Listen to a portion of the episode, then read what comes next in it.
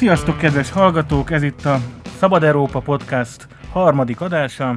Egyőre az asztalunknál hárman ülünk, de majd Nóra jön negyedikként, tehát velem szembe Viola van. Sziasztok!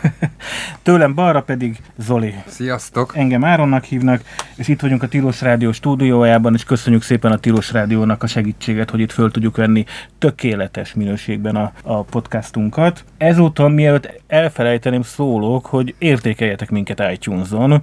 Biztos sokan az iTunes-ban hallgatjátok a, a podcastunkat. Az azért jó, ha minket értékeltek, lehet az rossz is, de ha van értékelés, akkor előrébb sorolja a, az iTunes a listákon a podcastot. Nem muszáj jónak, és minden, minden véleménynek örülünk. No, közpolitikával foglalkozó podcastunk harmadik adása. Megint van egy-két nagy témánk, és egy-két rövid hírünk. Milyen rövid hírünk van? Zoltán. Um, én nagyon, most tudom, hogy nem, nem, aki kedves sír, az nem, nem, nem jó, de hogy igen. Ja, jó, igen. Jó jellemzi mostani köz, közállapotainkat. Egy ö, buszvezető, ha jól emlékszem a médiában megjelenő cikkekben, cikkekről, ö, tüntetett a Rákóczi úton több napon keresztül azért, hogy a biciklisek húzzanak ki, mármint ő azt írta, hogy takarodjatok a buszsávból. Ugye azt kell erről tudni, hogy ennek az úrnak igaza volt. Tehát abban az értelemben van igaza, hogy valóban a Rákóczi úton a buszsávban nem szabad közlekedni. Mármint biciklivel? Mármint, hogy kerékpárral nem szabad közlekedni Igen. természetesen. És uh, szerintem azért érdekes ez a probléma, mert arra, arra világít rá, hogy a kerékpárosok azokon a helyeken is megjelentek, ahol, ahol nekik kényelmetlen kerékpározni, és megpróbálnak ösvényt taposni oda, ahol nekik nem szabad kerékpározniuk.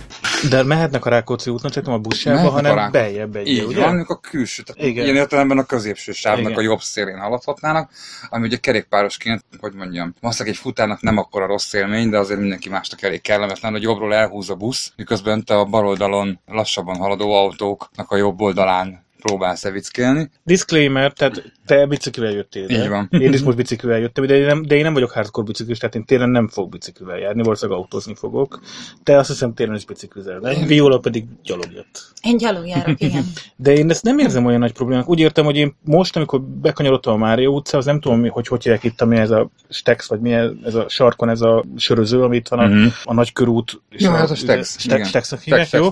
Hát ott utána, hogyha én bekanyarodok a balra a Mária utcára, nekem a kanyarodósába kell menni, és konkrétan mellém jött a külsőbe uh-huh. egy nagy busz. Hát engem nem érdekelt, hogy ott a busz tőlem 10 centire. Most tényleg, tehát hogy én ezt nem érzem olyan nagy gondnak, hogyha... Nyilván nem vagyunk egyformák, én sokkal inkább azt, azt gondolom, hogy uh, ahhoz, hogy jól kezeljük, nem is hogy mondjam nektek ezt, hát hogyha elfogadjuk azt az állítást, hogy a kerékpározás a nagy jót tesz a nagyvárosoknak, akkor ezeket a jelenségeket érdemes úgy felfogni, mint amikor, biztos ismeritek azt a szitut, amikor a parképítés során képítenek ilyen utakat, hogy merre kell közlekedni a parkban.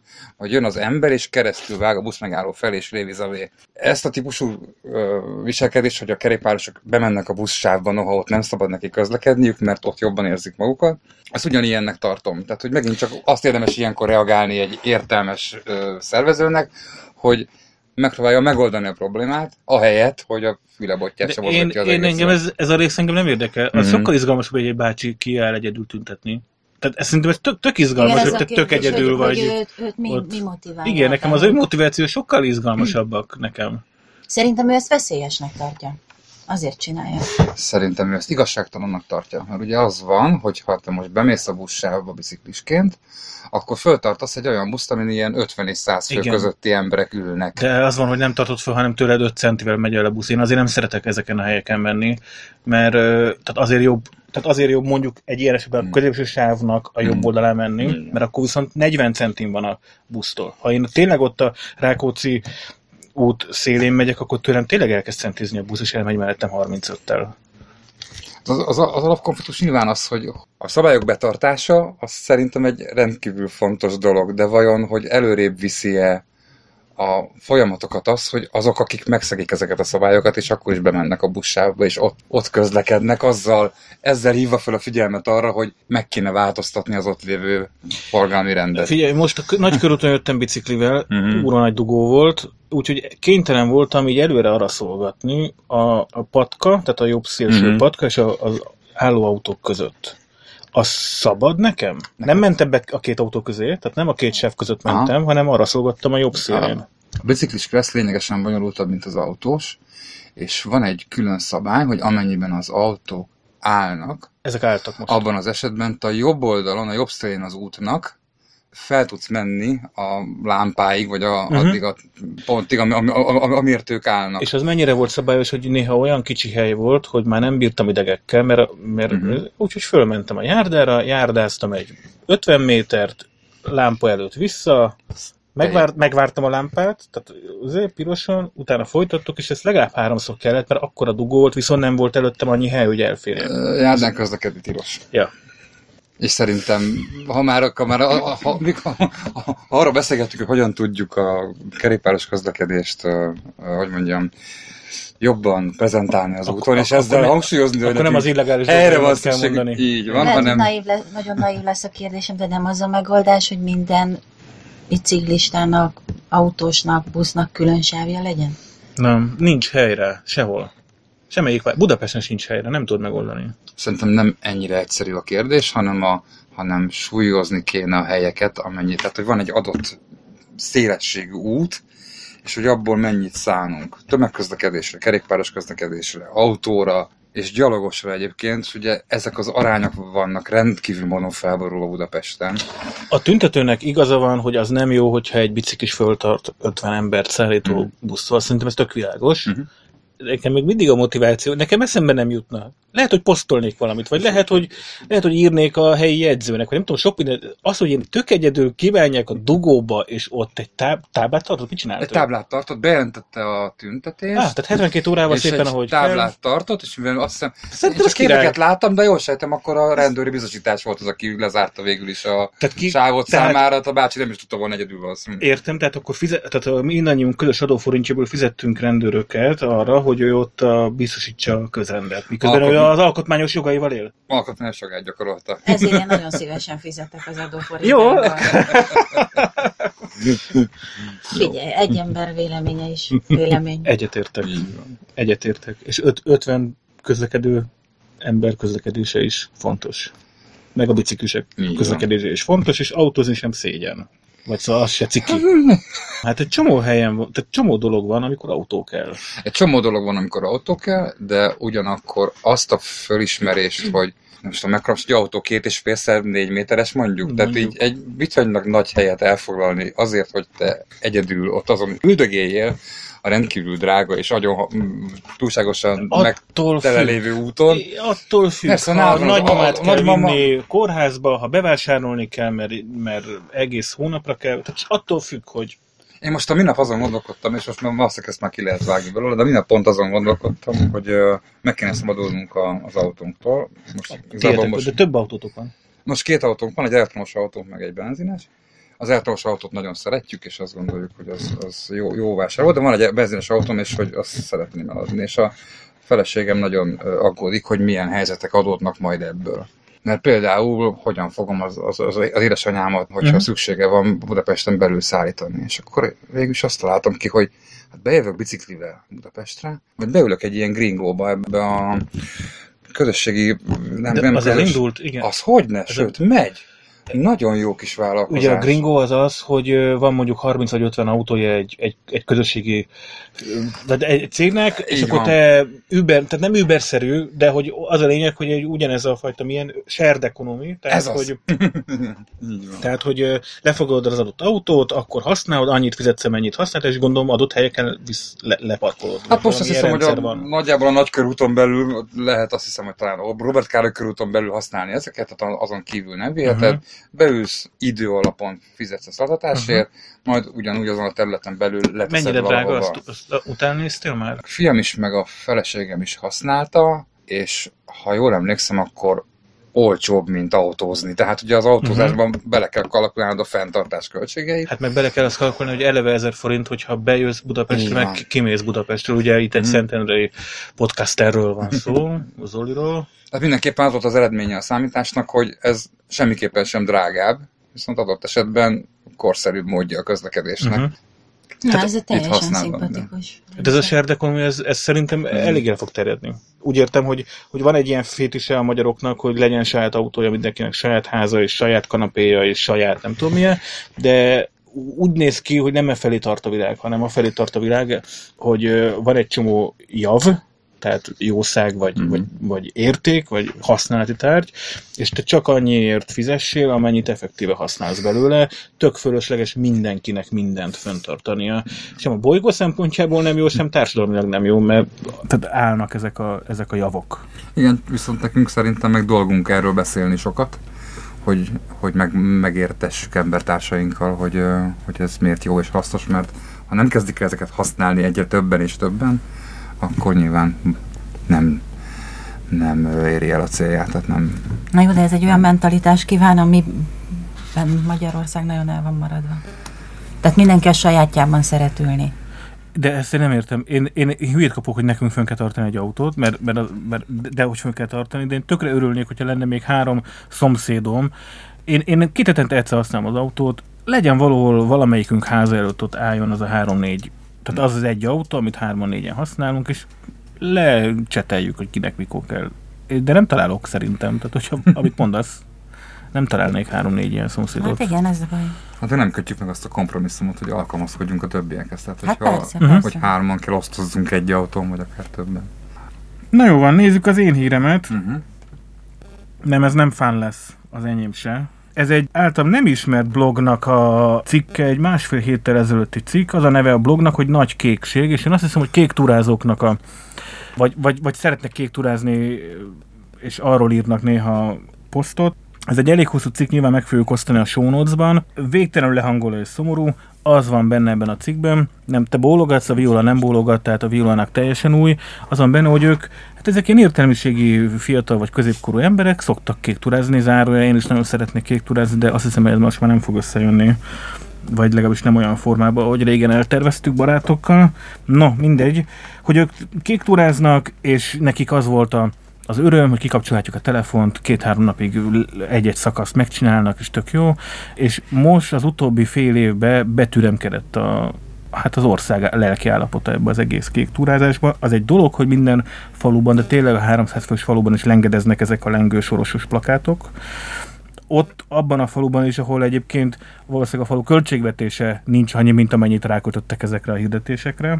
De hogy az a tapasztalata, hogy sokkal bezárkozóbbak lettek az emberek, már nem segítenek ezeknek a hogy idegeneknek, sőt ferdeszemmel néznek az idegenekre, idáig még soha nem rántották rájuk a kormányt, most már rájuk rántják, ugye hátizsákkal túráznak az út szélén, rögtön megáll fog, csikor, fog izé, milyen fék csikorgatva a rendőr, és kiszól, így kikönyökölve a rendőr, hogy kik maguk, és hogyha nyilván nem magyarul szólaltak volna, meg akkor az volt az érzés, hogy rögtön viszik be őket, tehát hogy és ilyen, ilyen jó leső, ilyen bólogatással nyugtázta a rendőr, hogy jó, akkor ezek magyarok, és én felolvasnám ennek a cikknek az utolsó gondolatát, mert szerintem ez a legrosszabb, ez egy elég hosszú cikk, rengeteg, lényegében tételmondatok vannak benne, de ez az utolsó bekezdés, azt szerintem, azt szerintem félelmetes. Úgy fogalmaz, a kormánypropaganda minden esetre célt ért. A vidéki Magyarország láthatóan retteg, és mélységesen gyűlöli az idegeneket. A közismert, idézőjel mutatok közben, magyar vendégszeretet sok esetben már a múlté, helyette az abszurditásba hajló xenofóbia ültort Magyarországon ma 2017-ben. Ez pedig azokra az emberekre nézve leginkább sértés, akik annyit segítettek kedvesen és önzetlenül nekünk az elmúlt két év túrái alatt. És még valami. Előző nap Geszten öt magyar magyart kértünk meg sorban, hogy megszorultunk, ugyan megtennék-e, hogy átvisznek bennünket Biharugrára, hát akkor nagy bajba kerülünk. Úgy pattintottak le bennünket, hogy a lábunk nem érte a földet, az első cigány magyar ember viszont már állt ki is ki az autójával, és zokszó nélkül vitt át bennünket, pedig jó nagy kört kellett tenni, hiszen a két szomszédos település nem kötő össze aszfaltút, így egy 30 kilométeres karikát kellett körbeautóznunk. Ez nem azt jelenti persze, hogy ő feltétlenül egy gáncs nélkül lovag, de volt benne annyi becsület, hogy első szóra segített néhány bajba került idegenen. Itt tartunk. Hát azt tudjátok, hogy a miniszterelnök helyettes szerint mi a megoldása a most kirobbant abúzusokkal kapcsolatban? Tehát, hogy ne, Lelkileg rá. ezen nekünk nem kell vívódnunk, inkább a iszlámtól féljünk, mert hogy az iszlám jön, és akkor a nőknek még sokkal rosszabb lesz. Hogyha a két ja, is még sokkal rosszabb lesz. Ezért, ezért tartjuk a Semmény Zsoltot, hogy ilyen okosságokat mondjon. Én most ezt a cikket, és borzasztóan lehangolt, még pedig azért, mert pont egy pár héttel ezelőtt beszélgettem egy régi kollégámmal, aki hosszasan mesélt arról, hogy ők most ezt a kék túrás uh-huh. dolgot csinálják. Ez nem teljesen értem, de gyakorlatilag azt hiszem arról van szó, hogy az a vállalás, hogy a Magyarországon lévő összes kékezéssel ellátott útvonalat így körbejárja így, az így, ember. Így, így, így, pontosan. És, és olyan fantasztikus dolgokat mesélt már, mint hogy a, a, az ott átélt átélik azt az érzést, hogy kiszakadnak végre a napi mókuskerékből, tehát hogy ez egy nagyon pihentető tevékenység, vagy dolog, meg szellemileg is biztos nagyon jót tesz nekik. Szóval nagyon-nagyon nagy, nagy átélésre mesélt erről az egészről, és utána olvastam ezt a cikket, hogy ezek szerint várnak még rájuk kellemetlen, Várnak. kellemetlen szituációk, vagy pedig még azt tudom esetleg elképzelni, hogy nem mindenkivel történik ugyanaz. És ennek, ennek Margóján azt szeretném mondani, hogy fogsz még kék turázni, hogyha akarsz, mert azért ő sem egy fiatal ember. és ők is most kezdték el csinálni. Igen, de azt beszéltük még a feleségemmel, amikor még friss házasok voltunk, hogy majd sok baráttal, izé, de Mm. hát a feleségemmel már nem tudunk Igen. kék túrázni, tehát hogy ez nem fog összejönni, de lehet, hogy majd fogok még kék túrázni az életemben. Ennek örvén azért meg kell említenem, hogy az Index videó viszont csinálnak kék túrás videókat. Mhm. Én azt hiszem, hogy vagy egy fél, vagy egy egész évvel később adják le az összevágott anyagot, ahogy ők egyébként végigjárják ezeket a helyeket, drónnal, meg szuper kameratechnikával, meg helyi emberekkel interjúkat csinálnak, és minden egyes ilyen nem tudom, két napos rész, az mondjuk 30 perc, tehát hogy ebből ilyen sok tíz órányi anyag lesz a végén, amit így kihoznak, nem tudom, ne 30. résznél tartanak, és most már évek óta megy az Index videóba, tök jó az, szóval ez nagyon, nagyon jó nézni. Igen, Most a másik, ami még, ez, még eszembe jutott erről a cikkről, hogy ugye azt írja, hogy, hogy a rendkívül vendég szerető magyar nép hogyan változott meg ebbe az irányba. És ugye azzal, hogy most egyre több ismerősöm, meg barátom sokkal többet jár külföldön, és dolgozik, és él, és, és így Mhm. tovább. Egyre inkább feltette a fejét az a vélemény, hogy nem feltétlenül a magyarok a világ legvendég szeretőbb emberei. Tehát, hogy, hogy bizony ezen a skálán így még európai népek között is hát messze nem az élen járunk. Én mindig is úgy képzeltem ezt a mondást, hogy ha én Szlovákiában vagyok, akkor nyilván nagyon szeretnek engem a szlovák faluban, és hogyha Izlandra megyek, ott is ugyanúgy mindenki vendég szerető. Tehát, hogy ez ilyen, mindenki azt gondolja magáról, hogy az is valószínűleg az is. Nem tudunk nem beszélni a Marton László. Igen, Marton nem tudunk nem beszélni a Marton Lászlóval kapcsolatos ügyel, vagy hát... Hát tudom, ezt hogy kell megfogalmazni. A Marton László Hát körül szexuális kialakult. zaklatásokkal. Igen. Sőt, azóta többen is külön, hogy mondjam, többféle nyilatkozatot tettek, és ezáltal egyre jobban belemászik egy csomó közismert személyiség De hogy témába. ilyen mélyen és nagyon furán, és így belegabajozva, mint hogyha egy ilyen hínár lenne, és így valakinek a keze, valakinek a lába, és így húzza lejjebb így mindenkinek a... De ez azért, mert hülyeségeket mondanak már, bocsánat. Igen, igen, igen. De valószínűleg ez azért van, mert öntudatlanul is, van, aki tudatosan, valaki meg öntudatlanul is úgy érzi, hogy vaj van a füle mögött, és ezért próbál így beszélni. Azért beszéljünk erről egy fél percet, hogy egészen pontosan mi ez, hogyha van olyan podcast hallgatónk, aki nem tudja, hiszen az a célunk, hogy esetleg a napi, Áronak, a napi mocsárral nem foglalkozó emberek is hallgassanak ilyen podcastot, ami két hetente egyszer közpolitikával foglalkozik. Én azért összefoglalom, miről van szó. Oké.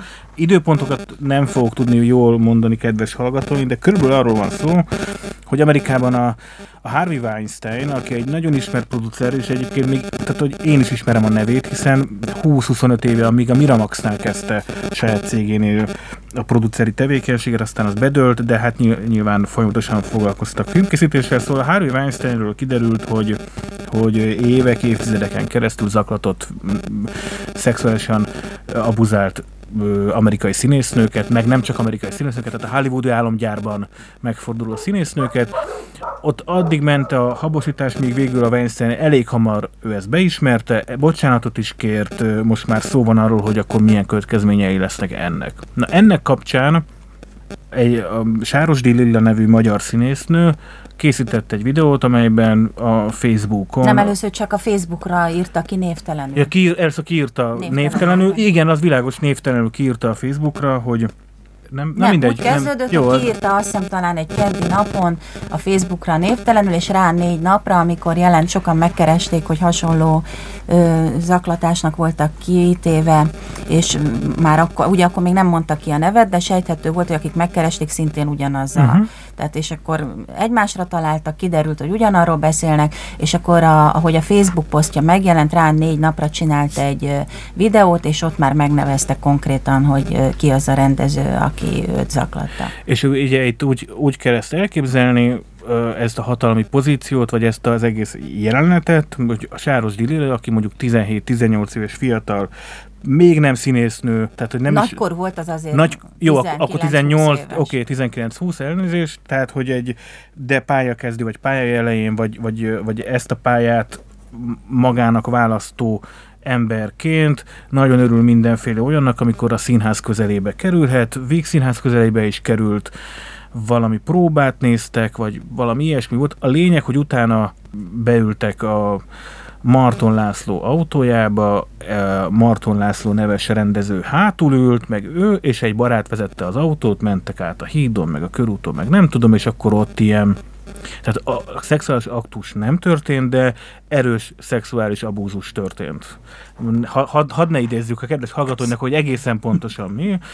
Erről beszélt, és ez egy ilyen óriási lavinát indított el itthon, sorra jelentkeztek leginkább a HVG-nél, meg más online médiumoknál, tehát új, újságokban olyan hölgyek név nélkül, akik beszámoltak hasonló esetről, legut- tehát két évvel ezelőttiről, 15 évvel ezelőttiről, meg 25 évvel ezelőttiről Sőt, 50 esetről. évvel ezelőtt 50 évvel ezelőttiről is. Ezelőtt is van, tehát igen. nyilván itt egy, egy évtizedek óta szexuális ragadozóként tevékenykedő szeméről beszélünk, és ennek pontosan lehet tudni egyébként szakirodalmilag ennek a jelenségnek a mikéntjét, tehát amikor egy amikor hatalommal, befolyással, tekintélye rendelkező zömmel férfi egyébként, de szerintem ebből a szempontból, tehát a jelenség leírásából... Zömmel férfi, de nőknél ugyanúgy. De Nekem nőknél is előfordulhat.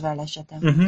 Tehát, hogy van egy tekintélyes szereplő, és van egy naív, fiatal, nyilván semmilyen eszközzel nem rendelkező másik fél, és itt nem is feltétlenül az számít, hogy szexuálisan magáévá akar tenni, nyilván az is, de hogy, a, tehát, hogy hatalomba keríteni, megszerezni. Tehát ez a, ez a, ez a, ez a történet. Felé alárendeltség. Ez a, ez a történet. Most már ott tartunk, és akkor hogy befejezem az összefoglalását, hogy Hát ilyen nagyon, tehát tényleg mindenki megszólalt, majd erről még beszélünk külön. Uh-huh. Nagyon sokan megszólaltak nagyon fura nyilatkozatokat, meg volt nagyon sok olyan ember, aki, ne, aki több tisztességes nyilatkozatokat tett. Ma reggel vagy délelőtt végül is Marton László nagyon furán, de bocsánatot kér. Zárójel egy kicsit úgy állította be szerintem a szövegét, mint hogyha ő lenne az áldozat, hiszen, egy, hiszen de mennyien rátámadtak. Nem... Jó, jó, erről majd beszélünk mindjárt. És délután, ha jól lettem, Sáros Gyűlő elfogadta a bocsánat kérdést. Tehát kb. itt tartunk most belét folytattam. Na igen, nem. tehát én csak azt akartam mondani, erre reflektálni, hogy úgy állította be, mint ő lenne az áldozat. Uh-huh. Szerintem ő ezt nem ő, ő, tudatosan állította be, hanem öntudatlanul. Tehát ő valószínűleg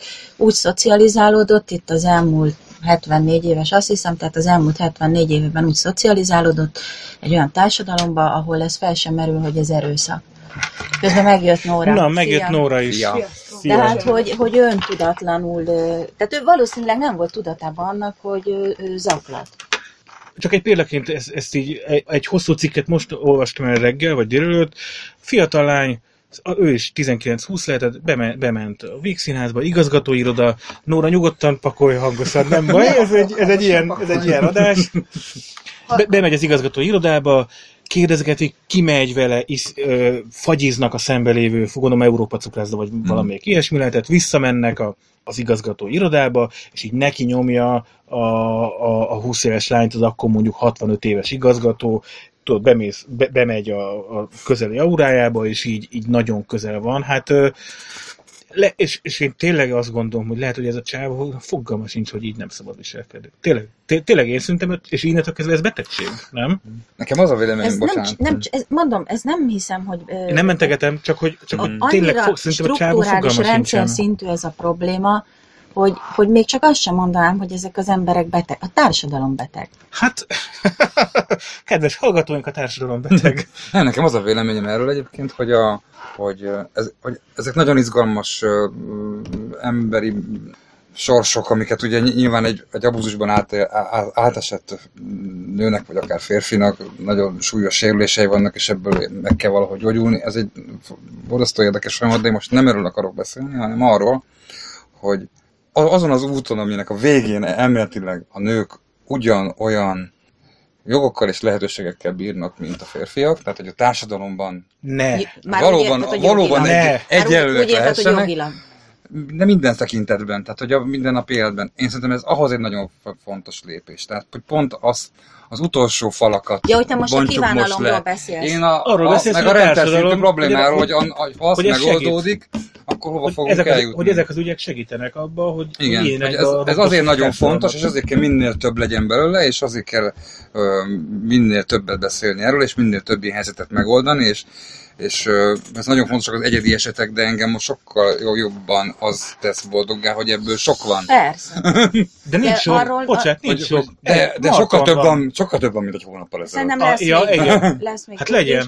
Igen, és Mert, legyen több is. Igen. Arról mi a véleményetek, hogy, hogy a nők nem merik elmondani a, az őket ért szexuális zaklatásokat, akkor és ott, vagy rá egy napra, vagy valami, hogy, hogy, hogy ez miről szól. Szerintem sze- itt két dolog van, szerintem. Az egyik az, ami nagyon fontos, tehát, hogy a hatóságnak, mint olyannak a lehetősége és hatásköre. Tehát én azt gondolom, és talán nem jogtalanul, hogy, hogy annak, hogy valaki nem mer megszólalni egy ilyen ügyben, annak az egyik oka az, hogy nem hisz abban, hogy a hatóság tud rajta segíteni. De én nem, Ez, Ez, biztos, hogy, hogy ez- ez de barátnak egynek- sem mertek meg, Ez így van. szülőknek se. Igen, de hogy, hogy ez az első dolog, tehát hogy az, hogy, hogy mondjuk hatósági védelem nincsen, az, az egy nagyon fontos visszatartó erő, és a másik dolog pedig az, hogy, hogy a társadalomban ma, és tök mindegy, hogy milyen cikket olvastok el, ha alatta el megnézitek a kommenteket, akkor abban is benne van az, hogy tök mindegy, bárki, legyen híres ember, nem híres ember, hogyha kiderül róla, hogy valamilyen erőszaknak áldozatul esett, akkor bele van kódolva a társadalomba az, hogy őt megbélyegzik. De a, őt sa- bélyegzik de a család, meg családjában is bele van és a kódolva, családjába is bele van barátaiba, kódolva, mindenhol. Minden, mindenhova. Tehát, hogy, hogy ez a meg a másik, tehát az áldozathibáztatás, az ma annyira mélyen bele van ivódva egy ilyen zsigeri reakció a társadalomban, ami nyilván ezen kéne dolgoznunk közösen, hogy ez ne, ne így legyen, de ez a másik oka annak, tehát hogy sem hatósági védelem, sem családi, baráti, társadalmi támogatottság nincs ma egy nő mögött, Intézményi sem, tehát hogyha iskolában történik, akkor se fogják megvédeni a diákokat a, a tanárok. Nekem ilyenem volt diákkoromban, és engem se védtek meg. Én, én to- tovább megyek, én azt, azt remélem ettől, hogy bekerül a közbeszédbe, nem, nem csak a közbeszédbe, hanem mondjuk egy családon belüli beszédbe, egy, egy baráti társaságon belüli beszélgetésekbe ezek a témák, vagy annak a témája, hogy mit nem lehet például egy ilyen szituációban Provokatív csinálni. kérdés. A Verebes István, én oda kommenteltem is az ő személyes profiljára, meg kicsit fölbaszta az agyamat, de ez most mindegy. A Verebes István például úgy fogalmazott az egyik szuper interjújában, mert már kettő nagyszerű interjút adott, három A mutatja a is, Nóra, szuper. Az elsőben úgy fogalmazott, hogy ő neki az egészen addig volt az érdekes, amíg ki nem derült a személye, Marton László személye. Ez az elsőben volt. Igen, mert abban a pillanatban, hogy ez kiderült, ez már két ember személyes ügye. Nyilv- Nyilván te ugye azt mondod, hogy nem a személyes ügyük, de hogy a Verebes szerint e, ott e, onnantól kezdve nem lehet a társadalmi részéről beszélni, mert ez akkor már két embernek a dolga. Én ezt, én, én mivel én is veled egyetértek, én ezt felháborítóan rossz szemléletnek gondolom, mert pontosan, hogyha minél több nő a személyes ügyével jönne elő, akkor tudna a társadalom Igen, hogyha ezekről formálódni. beszélhetnénk, akkor eljutnánk oda, hogy, hogy, az, hogy egy, egy felcseperedő gyerek, kamasszám vagy felnőtté váló fiú vagy lány már rossznak tudja ezeket a dolgokat. Én állítom neked, hogy, a, hogy a, az én generáció, én most 48 vagyok, nem, hogy eleget nem kapott, nem eleget nem hallott ilyen típusú információkat, hanem hogy szinte semmit. Tehát, hogy sem a, sem a szüleinktől, sem az oktatásban, sem a De nem a szexuális abúzusról beszélsz, hanem egyáltalán a hatalmi A, igen, tehát minden, aláfölé rendeltsége. ezek mind, mindkettőről voltak éppen, tehát akár a hatalmi visszaélésről, ak- akár a szexuális abúzusról, az összes most ezzel összekev... szervilizmus van mindenhol. Tehát a munkahelyektől kezdve mindenhol szervilizmus van. Én a Ludwig Múzeumban dolgoztam, és a Ludwig Múzeum igazgatója, aki mai napig az igazgatója, azt mondta nekem, hogy Viola, törődj bele, feudalizmus van. És ezt minden kollégám beletörődött, és én nem törődtem bele.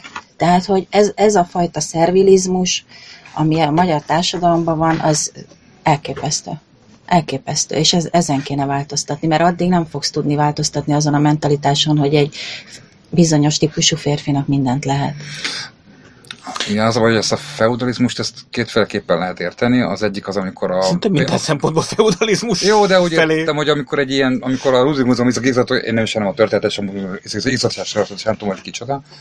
De egy adott vállalatirányítási rendszerben a feudalizmus az kétféleképpen működhet. Az egyik az, amikor azt mondom, hogy nálam van a pénz, én mondom meg, mi történik. De ezt szakmai, meg munkaszervezési vonalon teszem meg.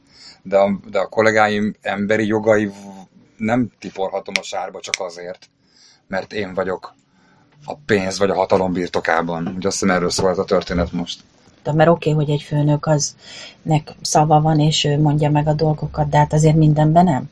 Tehát vannak olyan részek, am- amikben nem. Tehát, hogyha téged egy múzeumban mondjuk többféle szakma van, és a téged valamire oda felvesznek, valószínűleg azért vesznek fel, meg bizonyos részletkérdésekben jobban értesz hozzá. Oké, okay, hogy konzultálsz a főnököddel, de amikor egyszer csak azt mondja, hogy egy tolvonása mindent kihúz, mert hogy ő, ő a főnök, és akkor ő ezt jobban tudja, és nem magyarázza meg, hanem csak mert ő a főnök, én, én ilyesmikről beszélek, Mhm. és ez nem normális.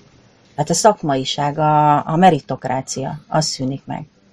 Visszatérve erre Marton ügyre, szerintem ez egyrészt szerintem ez az egyik legfontosabb, ami most van, hanem a legfontosabb, másrészt pedig ezzel még nagyon sokat kell foglalkoznia mindenkinek. Tehát úgy értem, hogy jöjjenek ki újabb és újabb ügyek, pattanjanak ki, legyen olyan is, ami nem szexuális ügy, Ami szerintem még ebben nagyon fontos, tehát azt, azt szerintem azt nagyon fontos tudatosítanunk mindannyiunknak magunkban, hogy az, hogy mondjuk mi azt szeretnénk, hogy legyen egy ilyen megtisztulási folyamat, és ennek a részeként ugye mindenki álljon elő a saját történetével, ennek a, az áldozati oldala az egy nagyon-nagyon nehéz dolog, és amire szerintem itt nagyon fontos lenne figyelni, az az, hogy, hogy mindenki, aki áldozatként fölvállalja azt az egyébként iszonyatosan nagy lelki terhet, ami ezzel jár, az megfelelő segítséget kapjon, nagyon fontos lenne, illetve a másik pedig, hogy, hogy figyeljünk oda ezekre az emberekre, még, tehát egyenként is.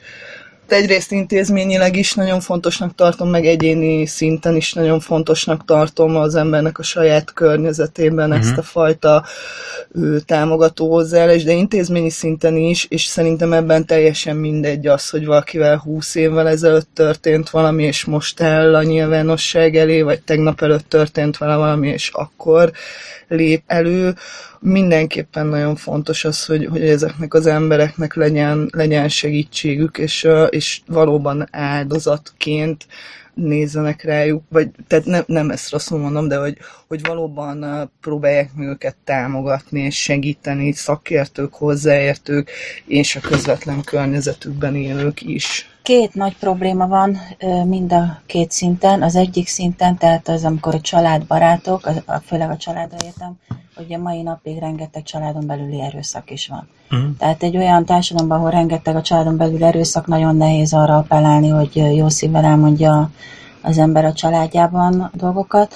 A nagyobb szinten, intézményi szinten meg azt hallom egyfolytában, amivel teljesen nem értek egyet, hogy iszonyatosan nehéz bizonyítani, mert hogy általában ezek kettesben történnek. De hát ez nyilván De erre- jogilag ez tényleg így van. Ez így van, de erre kérdezem én azt, hogy miért- mit, mit könnyű bizonyítani. Tehát ha ellopják a pénztárcámat, azt is baromi nehéz bizonyítani. Ide, i- igen, és azzal egy- egyetértek, amit mondasz, hogy nem, hogy nem értesz vele egyet. Mert hogy valószínűleg, aki ezt mondja, az nem, nem választja ketté a jogi részét a, az áldozatsegítési részével. Igen. Tehát, hogy jogilag lehet, hogy bizonyítani nem lehet, de annak, aki, aki segíteni akar az áldozatot, például pszichológiai tanácsadással, meg, egyált, meg, meg, meg egyéb módon, annak kell bizonyítania, az segítsen a, a, annak, aki, akit értek ilyen atrocitások, és ez egy következő kérdés, hogy egyébként jogilag utána ezt hogy bizonyítják, és lesz ennek jogi része. Ez a kettőt külön kell választani, és hogyha egy ilyen válaszok jönnek, akkor ez szerintem maximálisan hibás.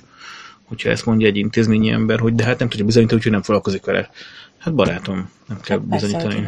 Nem üzenünk innen semmit, csak megemlékeztünk az ügyről, hogy, hogy ez a legfontosabb. Vagy szerintem, szerintem ez most a legfontosabb az ország szempontjából. Sok mindennél fontosabb. Az megvan, hogy a Stól András a Schillingek, Schillingnél kezdte a pályát? Az megvan mindenkinek? Nem, Tehát, hogy nincsen. 20 évvel ezelőtt kamrába Mhm. a Bál című előadással, meg a Kolhász Aha. Mihályt játszotta a, a, mi a darab címe, annyira ciki, hogy nem jut eszembe. Lócsiszár nap, Vasárnapja. vasárnapja. És én azt láttam, azt a darabot, Ez kurva jó volt. azt a darabot a kamrába, és ö, ugye az van, hogy a Stól András azért nem lett utána kritikör alapító, mert hogy ő ez tök legitim, hogy ő sok pénzt akar keresni, és inkább ment egy populáris irányba. Ők, ők ott indultak együtt. Csak Ez azt azért értem, szép. Amikor ezek az emberek így nyilatkoznak, akkor, akkor mi, mi motiválja őket? Tehát, hogy ők a hatalmi helyzetüket Hát féltik, hogy az megváltozik? becsülete, meg ez van, egy, van ebben az egészben egy ilyen polgári, nagypolgári huncutság.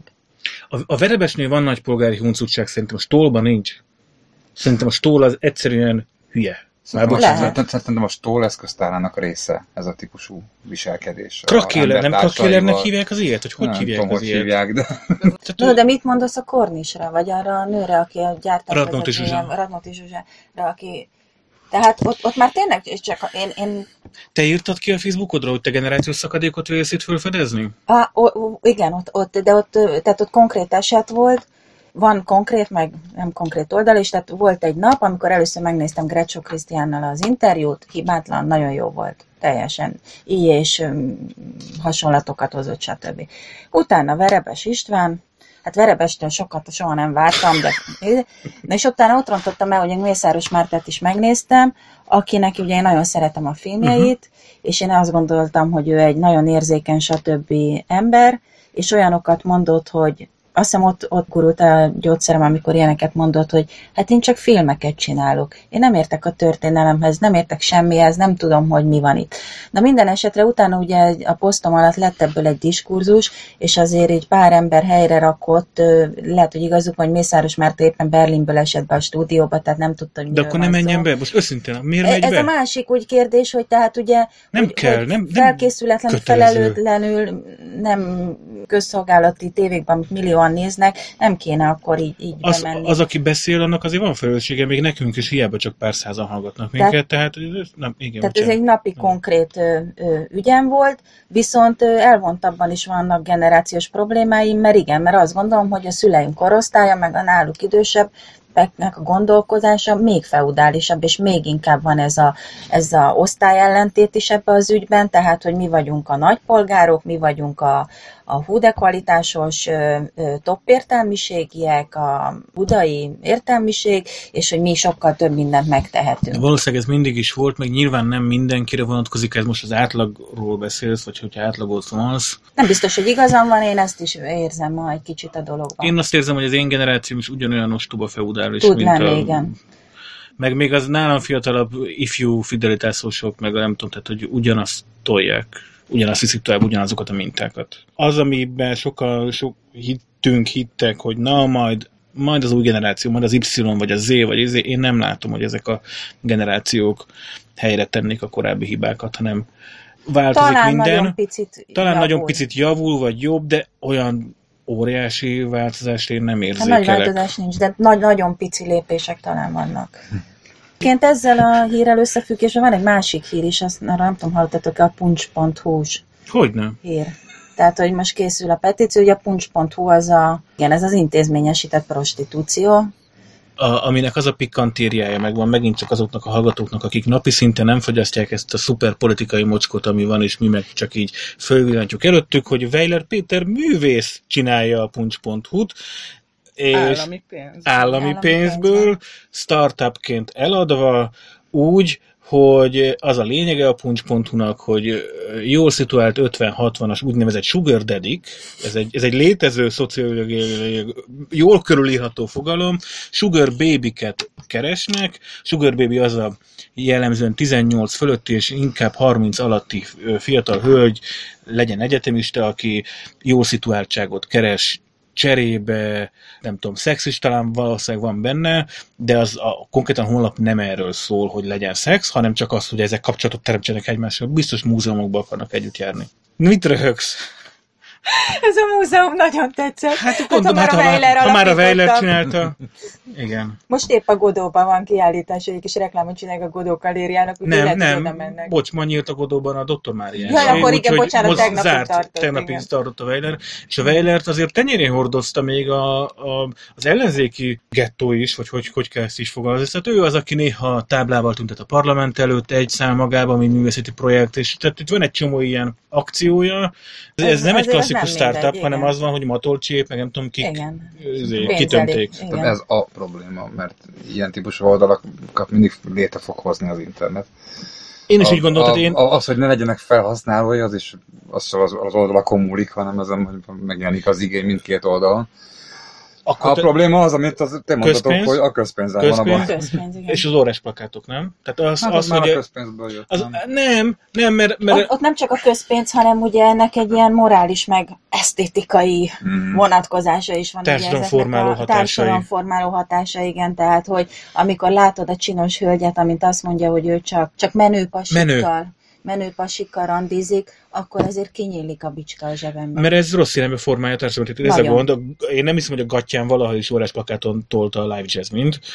Ezek így vannak, ezek a dolgok, csak Mhm. nem mindegy, hogy hol, hol kezeljük. Szerintem ez így félre van menve. mert Nem értette ahhoz, amit csinált, mert ezt nem, ezt nem kell, nem szoktuk, nem... nem, nem Hogy nem rakjuk ki órás plakátra. Igen, mert ez egy hülyeség kirakni ezt óriás plakátra, hát ez egy teljesen... Meg amúgy sem a népnek szól. Igen, így van, tehát hogy... Tehát ez, igen, Hogy- már céltévesztett, igen, az Igen. óriás plakát, mert nem a Mm. népnek szól. De azzal se lettünk volna kisegítve, hogyha egyetemi folyosókon ott van ö, kisebb plakát a WC-ben, De ugye? egy normális Csak marketinges sose csinált volna ilyet. Szóval ez a puncs.hu, ez gyomorforgató szerintem. Gyomorforgató. Közpénzből van, Hát, morálisan, esztétikailag, a, tényleg a társadalomformáló.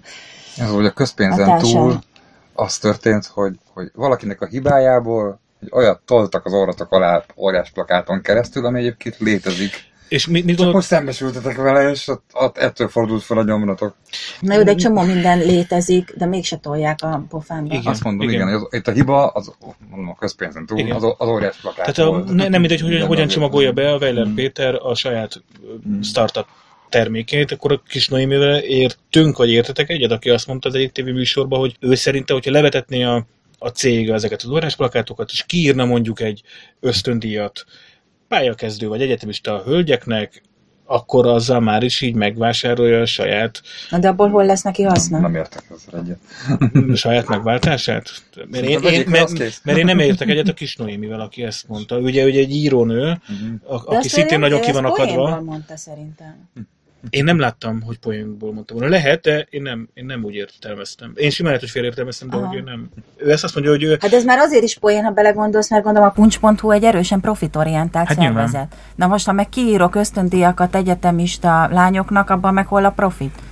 Fejétől buzlik a hal, mondja a szép magyar közmondás, azért van nekünk egy olyan sugar dadding, aki ezt mintaként tolja az egész társadalom. Andy Vajnára gondolsz, Hát igen. persze, és az ő Vajna tímájára, és én zárójel ezt mindig elmondom, amikor szóba kerül. Én nagyon bírom, amit csinálnak. Én Instagramon követem őket. Egy bajom van, hogy közpénzből tolják, tehát az én pénzemből. Ha nem így lenne, én, én nekem semmi bajom nem lenne, hogy egyébként ők ilyen nagyon viccesek. De egyébként konkrétan lopnak a Persze, vajnáiktól, lopnak. tehát ez ami, van egy olyan hogy ha nem csak egy szál rózsát szeretnél, nem tudom én a születésnapodra, hanem egy gyémángyűrűt is, ezt a Vajna Timától vették. Igen, igen, igen. Igen. igen. Na menjen az utolsó téma?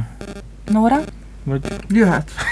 Mert az utolsó téma a választási rendszerünk, és ö, Jesus. egyrészt kérték a nagyszerű hallgatóink, hogy Jaj, kicsit erről szuper. beszéljünk, Ez és, az. és nyilván, nyilván azért kell erről beszélni, mert, mert a közös ország mozgalomnak az éppen aktuális heti eseményei még továbbra is nagyban meghatározzák a, a napi politikai életünket, meg hát a választás aztán meg végképp meghatározza az ország életét, és én valahogy egyetértek, hogy erről, hogy erről kell beszélni. Úgy néz ki most a választási rendszerünk, hogy egyfordulós, régen kettő volt, 199 országgyűlési helyből 106-ot egyéni körzetekben, tehát Kisvárdán, Pécset, Szolnokon, Budapest kerületeiben kell megnyerni, vagy lehet megnyerni, és a maradék 93-at pedig kompenzációs listákon keresztül lehet megszerezni. Továbbra is 5%-nyi ö, szavazatot kell egy pártnak gyűjtenie, hogy bejusson a parlamentbe, és szuper egyéb ilyen feature-ökkel rendelkezik a, a választási rendszerünk, amik ilyen unikumok, például győztes kompenzáció, ez azt jelenti, hogy ha valaki megnyeri az adott körzetet, 60 ezer szavazattal, de 62 ezeret kapott, akkor kvázi idézőjelben 1999 szavazat nem hasznosul, hiszen abból az nem kellett volna ahhoz, hogy ő megnyerje, tehát 1999-ben a szavazat bemegy az ő kompenzációs listájára, ez ilyen a világon nincsen sehol. Létezik az a dolog, hogy győztes kompenzáció, vagy mi, hogy kompenzáció, hogyha valakinek egyáltalán nem, tehát nem ő nyer, de kapott 40 ezer szavazatot, a másik 60 ezer, tehát 40 ezer az, sem, az elveszik az étterbe, akkor az megy be a kalapba, tehát a, a kvázi a vesztesektől. És még egyéb ilyen feature vannak, úgynevezett gerrymandering például, a gerrymandering ugye azt jelenti, hozzáértő szakemberek pontosan tudják, hogy Veszprém 2 kettes körzetbe hozzá kell csapni még három inkább balra húzó vagy liberális oldalra húzó falut, annak érdekében, hogy az ugyan egy picit nagyobb lesz, de mindegy, viszont a mellett lévő kettő meg átbillen emiatt, inkább jobbos körzetté. Ezek szakemberek pontosan tudják, hogy hogyan kell így megrajzolni ezeket a körzeteket annak érdekében, hogy minimalizálják a, a, az ellenzék által megnyerhető körzeteket. Ezzel létező technika nem magyarok találták ki, de sorolhatnánk a média túlsúlyosságtól kezdve csomó mindent, ami az egész választási kimenetelt befolyásolja. Így néz ki a magyar választási rendszer. Ja, és ennek egy nem elhanyagolható része, hogyha listát állítasz a, és elindult, elindult mint a 106 körzetben, akkor kapsz 800 millió forintot, teljesen mindegy, hogy igazi párt vagy-e vagy nem, erről ugye már talán az első adásban beszéltünk, ahhoz, hogy te listát állítsál, ahhoz pedig el kell tudni indulnod 27 helyen, aminek legalább 7 megyébe és egy budapesti meg kell lennie ebben a 27 helyben. Ha ez így megvan, akkor, akkor állíthatsz listát. Ha kevesebb embered indul el, akkor valamennyivel kevesebb pénzt kapsz, de olyan 4-500 millió forintot azért jó eséllyel kap mindenki, aki elindul. Ez így a rendszer. Mielőtt még erről hosszan beszélnék, én elmondanám a saját egyéni véleményemet is ezzel kapcsolatban, mert nem teljesen értek egyet azzal, hogy ez így úgy, ahogy van, unblock rossz. Ugyanis például Franciaországban is, Angliában is egyszerűen olyanok a választási rendszerek, hogyha, hogy túl kompenzálják a, a győztest. Magyarul Franciaországban is, úgy tudom én, 35-40 százaléknyival kapott Macron, nem tudom, 70 százaléknyi képviselőhelyet, és senki nem ordított ott Franciaországban, hogy egyébként ott diktatúra lenne, vagy antidemokratikus lenne. Anglia aztán meg totálisan ilyen, ott ugye két párton a Torik meg a Vigek, Sug, nekem Nóra, és ott hát tényleg az van, hogy amikor az egyik irány borul, akkor ott tényleg 100% egyéni nyer, és senki nem jut be másik oldalra. Tehát ugye egyszerűen két osztatú politikában ezek így benne vannak, és senki nem mondja, hogy az diktatúra lenne, miközben a tök jogosan mondják a Gulyás Marciék, tehát hogy kirakják azt a posztot, hogy kedves Fideszes szavazók, ti mennyire örülnétek annak, hogyha 40%-nyi szoci szavazattal 66%-nyi szoci parlamenti képviselő lenne. Nyilván minden jobbos polgártársunk fröcsögne, és már hidakat foglalnának akkor, hogyha, hogyha fordított hely lenne a helyzet. Hogy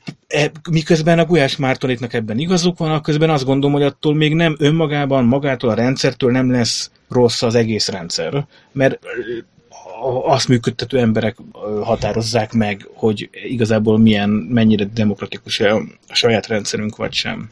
És akkor innen indulunk, és miért érdekes ez, és akkor utána már lehet ezért csak a hallgatóink szempontjából. Azért érdekes, mert mind 2013-14-ben, mind most is megy ez az ellenzéki isza birkózás, amit például ugye a kétfarkú kutyapárt, és itt nézek a Zolira, aki a, neki a kétfarkú kutyapártnak egy aktivista, szóval a kétfarkú kutyapárt úgy reagál le, hogy, hogy jó messzire tartja magától ezeket az idióta pártokat, mert ezek csak sarazzanak egymással, és izé, ők megcsinálják, amik, amiben ők hisznek. Hát mind 13 mind most is megy ez a ellenzéki kikivel, mikor, hogy, kikit nem szeret, és, és miért nem típusú sárdogasztás, ami egész egyszerűen azért alakul ki, mert a Fidesz egy tömbje, ami mondjuk 1,8-2,2 millió szavazat, az pont elég ahhoz, hogy mindent vigyen. Ez, ez, ez ennyire egyszerű ez a matematika. Abban a pillanatban, hogy az ellenzéki térfelén is lenne egy 1,8-2,2 millió szavazat, és akkor ez egy alapprobléma, hogy egyszerűen nincs nem az, a, nem az nincsen, hogy egyébként összefogva, hanem ele, eleve nincs ennyi ö, baloldali vagy liberális szavazó, vagy egyszerre ugyanennyi jobbikos szavazó, mert ugye a kettő az nem annyira kompatibilis egymással, szóval egész egyszerűen kevés szavazat van. Ha lenne, akkor már is más lenne a, a, a, a fölállása a dolognak, tehát hogy ez így egyszerűen bele van kódolva a rendszerben. Ezt így röviden összefoglaltam, és szerintem erről azért tudunk Hát ha már így megszólítottál, akkor vagy, vagy, vagy, vagy védjem meg a sajátjaimat. Nem, nem, nem támadtam, hanem hogy tök Igen, logikus, tudom. amit, tök logikus, hogy azt mondja a kétfarkú kutyapárt, hogy ezek hülyék, én ezekkel nem És a foglalkozom. kétfarkú kutyapár nem, nem, nem csak ezt mondja, hanem azt is mondja, hogy ez nem egy, az, amit ők csinálnak, az nem ebben a választási ciklusban, vagy ezen a választáson fog beérni, hanem hogyha ők ezt konzekvensen és sokáig és jól csinálják, amit kitaláltak, ami ugye az, hogy, a, hogy megpróbálják úgy hekkelni a választásokat, hogy az, az olyanok számára is érdekessé váljon, a, akik korábban szartak az egészbe, tehát hogy akik nem, nem, nem mentek el szavazni, mert, mert nem értették, nem foglalkoztatta őket, nem lépte át az, az, az inger küszöbüket, hogy azzal, hogy a két farkú kutyapárt kiviszi az utcára, és megpróbálja megmutatni azt, hogy ez a pártpolitizálás nem csak óriás plakáton, kisfüggőn, kultúrházaknak a nagy termében, meg a, persze a médiában zajhat. Ezzel talán bevonz új szavazókat.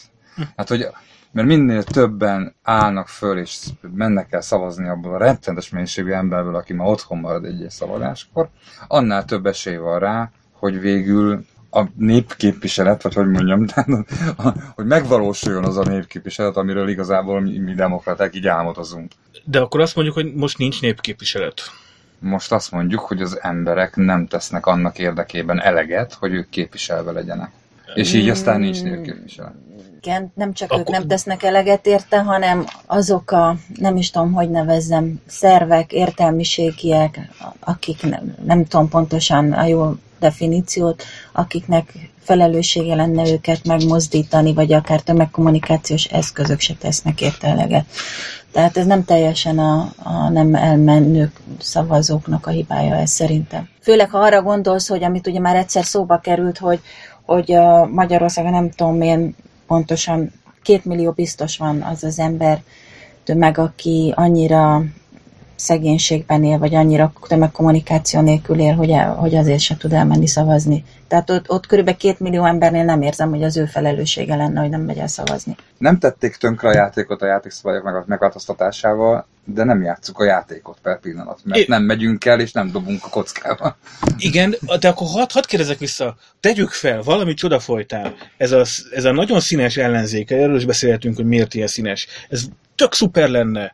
Meg tudnának egyezni acsarkodás nélkül, hogy hol kiindul. Milyen színekkel, ki legyen a miniszterelnök jelölt, milyen árnyékkormány legyen, szuper, majd X legyen az egészségügyminiszter, és kiállnak egy vízióval, egy életérzéssel, mert ez, ez hiányzik, tehát ez kell ahhoz, hogy, ő, hogy, hogy le lehessen győzni a Fidesz, hogy legyen egy sztori, egy történet, hogy miért ne az Orbánra szavaz, neki van története, az ellenzéknek nincs annyira.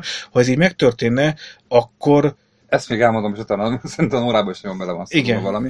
De hogy ha egy olyan választási eredmény lenne, amiben mondjuk a összes szavazatnak mondjuk a 40%-et, ahogy eddig is ugye megkapja a Fidesz, de a maradék 60-an osztozna 4-5-6 párt, uh-huh. akkor ugye az elméleti lehetősége meg lenne annak, őnek, ők arra legyenek kényszerítve már, mondjam, történelmileg, hogy, hogy koalíciót kelljen alakítaniuk, és az nekünk, mint választóknak szerintem jó. szerintem is jól. Szerintem magával a koalícióval nincs gond, mert az azt mutatja, hogyan tudsz együttműködni olyanokkal, akikkel egyébként nem e- bulizol minden este, és nem ugyanazt gondoljátok feltétlenül a világról, és nem is ugyanabban jár, az óvodába jár a gyerek, de hogy ettől még tudtok együtt dolgozni. Szerintem ez tök jó, ez tök fontos.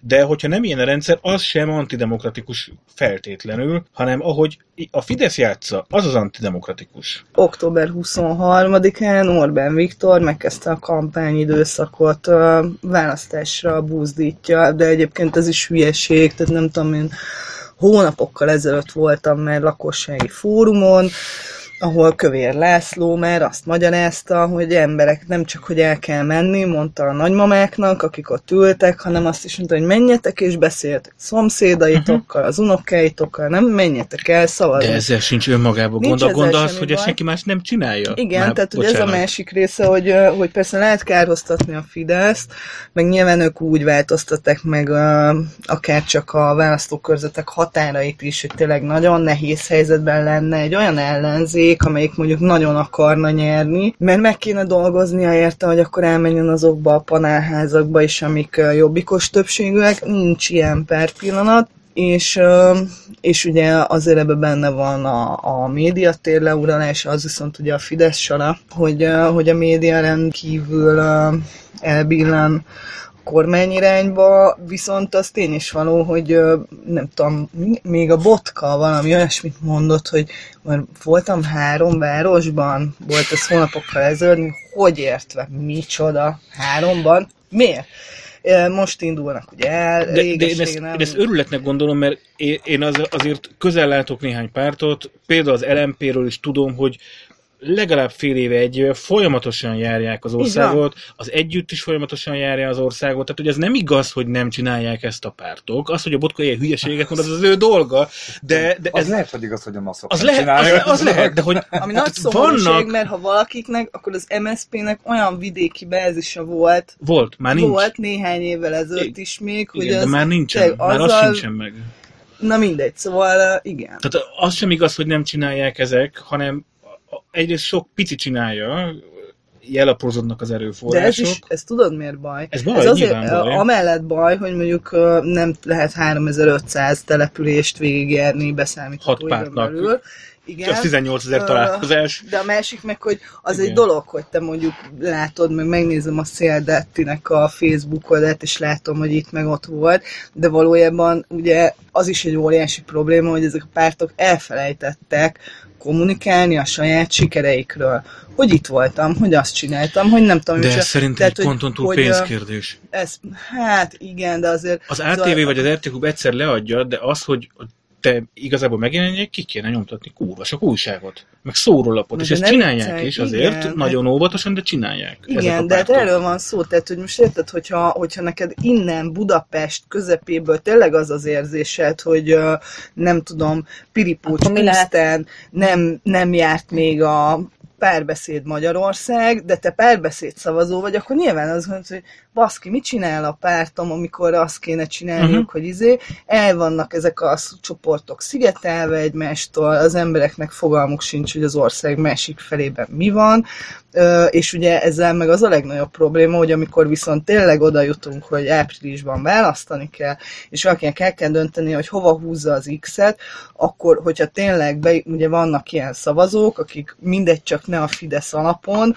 azt arra fognak voksolni, akiről az a sejtésük, vagy a vé- vélelmük, hogy na ezek azért lehet, hogy csináljanak valamit ezekre, lehet, hogy sokan fognak szavazni, na akkor én is húzom az X-et.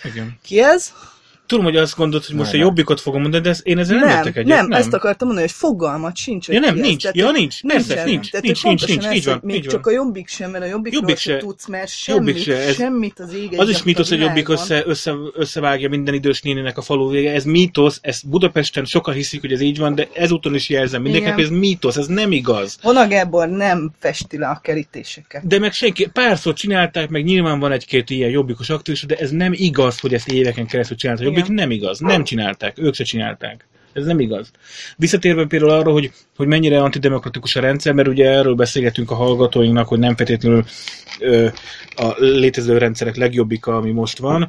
Ö, szakértők számolták ki, hogy annak érdekében, hogy hogy mondjuk valami tök szuper valami összejönt, tegyük fel, akkor is körülbelül 4-5 százalékkal kell többet kapni a effektív szavazatban a Fidesznél, ahhoz, hogy nullán tehát, hogy pont, két, pont egyben, tehát pont ugyanannyi szava, ö, eredménye van, mint, hogy, mint a Fidesz eredménye. Ez a, foggal, a körzetek miatt van? Körzet, körzetek miatt van, meg a szavazói hajlandóságok miatt van, meg sok minden. Tehát ilyen apró dolgok, ö, de leginkább a körzetek miatt igen. De például azért is, mert nyilván tudjuk, hogy a határon túli magyarok, mint a a történelmi Magyarország határon túli magyar, így, így értem, azok ugye könnyebben is tudnak szavazni, míg a, a Brightonban élő magyar nem annyira könnyen tud szavazni, zárójel bezárva. Ez eszméletlen. Ez eszméletlen egyébként, igen, de hogy azok viszont 95%-ban Fideszre szavaznak, ez tök legitim, tehát szívük joga, ilyen segítésekkel éri el a Fidesz azt, hogy, hogy sokkal könnyebb nekik mondjuk 50%-ot szerezni,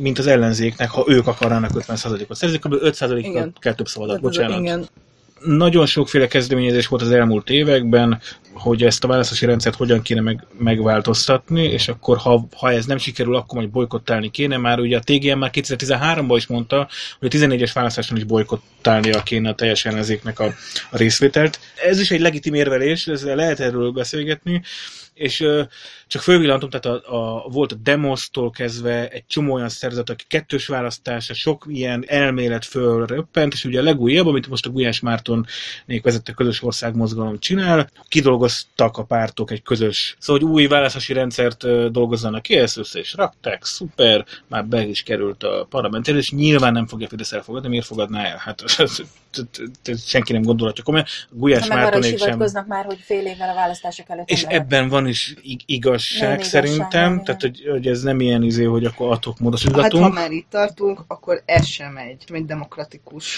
Csak azért mondom, mert hogy uh, ugye arról is be, folyamatosan arról beszélünk, hogy az állampolgárok tájékoztatása időben megfelelően mindenkihez el kell jutni a bizonyos típusú információknak. Ezt fél év alatt nem lehet megcsinálni. Szerintem se lehet, illetőleg akkor iszonyú nagy kampányba kell kezdeni, hogy gyerekek, megint változott a választási rendszer. Hova tovább, ugye amikor a Fidesz megváltoztatta a választási törvényt, akkor is erről beszélünk, hogy hát, ez így nem lehet. A Fidesz 2011-ben változtatta meg a választási rendszert, és három év igen, volt, és igen. utána nagyon sokáig volt erről hajcél. Zárójel, annak idején az MSP elfogadta, legalább a bizottságok szintjén, meg egyeztetések szintjén, mert az MSZP arra számított, hogy nem baj, majd bukunk egy-két választást, de az inga után úgyis vissza fog lengeni, csak azzal nem számoltak, hogy rengeteg párt fog följönni az MSZP kihívójaként, mert egyszerűen sokan nem akarnak az MSZP-vel együtt politizálni, és nem fog visszalengeni. Sorry, soha többet nem fog visszalengeni automatikusan az inga. Csak Egyre de... inkább meggyőződésem egyébként, hogy a, már csak az is nem fog az inga visszamenni, mert ugye, hogy az MSP nem része az ingának már nagyon rég. Az MSP-nek ma nem érdeke, hogy bármilyen választás megnyerjen. Az MSZP-nek az a jó, ami most van. Nem, Szerintem többet lehetne jó. lopni, ha nyernének. De nekik elég az, amit ők az, az a tagság, Nem, nem, elfogyott már a, elfogyott már a főállomás. Le is csökkent a tagság, de még mindig ott vannak, tartják azt, hogy nem tudom mekkora százalékokat. Igen, és ugye akkor visszakanyarodok azért legelére, szóval, hogy van ez a választási rendszerünk, ami azért nem a legjobb, rengeteg elemében nem demokratikus, azt nem lehet mondani, hogy ettől van diktatúra Magyarországon, mert ettől még lehetne demokrácia, hogyha ilyen rendszer, hogyha olyanok működtetnék ezt a rendszert, akik egyébként demokratikus elkötelezettségek. Egyébként diktatúra van Magyarországon? Most ez kijelent? Nem.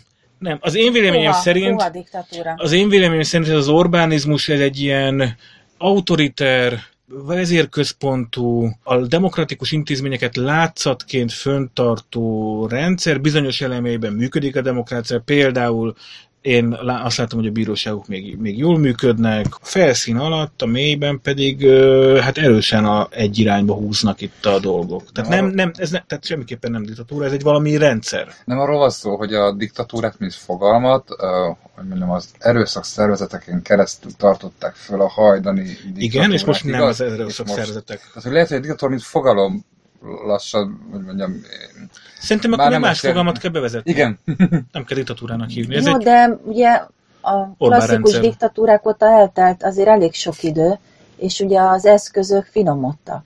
Tehát azt kéne mélyen megnézni, hogy az erőszak szervezetekre egyáltalán szükség van-e. Tehát ugyanaz, mint hogy van... szükség van nyilván. Hát rendőrségre, katonaságra. Mert nem úgy, hanem hogy a diktatúrához. Ja. Tehát szerintem ezt meg kell, én nem tudom erre a választ, de ezt meg kéne vizsgálni, hogy egy POA diktatúrák már módszereiben mások, és már lehet az erőszak szervezetek használása nélkül is működtetni. Én, én azért behoznék még egy szempontot, ezt a mai magyar Orbán rendszert iszonyú sokan támogatják. Tehát nem arról van szó, hogy hogy elvesztette a támogatását, és akkor kell... Arhetikus példaképlet.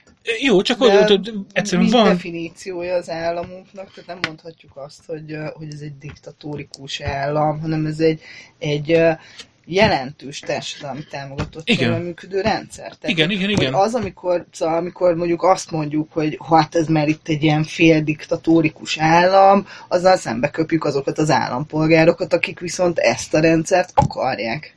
És ez szerintem ez nem... Szóval, jó, de 33-ban Hitler is rendesen jutott hatalomba. Megszavazták. Igen. Meg nagyon sok más is. Tö- Igen, Erdogánt is megszavazták, és... is. Persze, hát ezeket De megszavazzák. Azért mondom, hogy ez 2018-ban bonyolult. De Putyint is megszavazták, és, Persze, és persze. a, a, a Putyin Oroszország.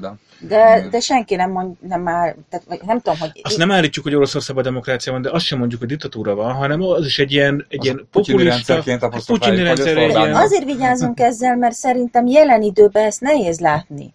Tehát ugye gondolom, akkor és ott a, a, a 100 évvel vagy 80 évvel ezelőtti diktatúrákra sem mondták azt, hogy diktatúra. Nem, de azt tudjuk, hogy jelenleg nem olyan helyzetben vagyunk, mint a, a hitleri Németországban.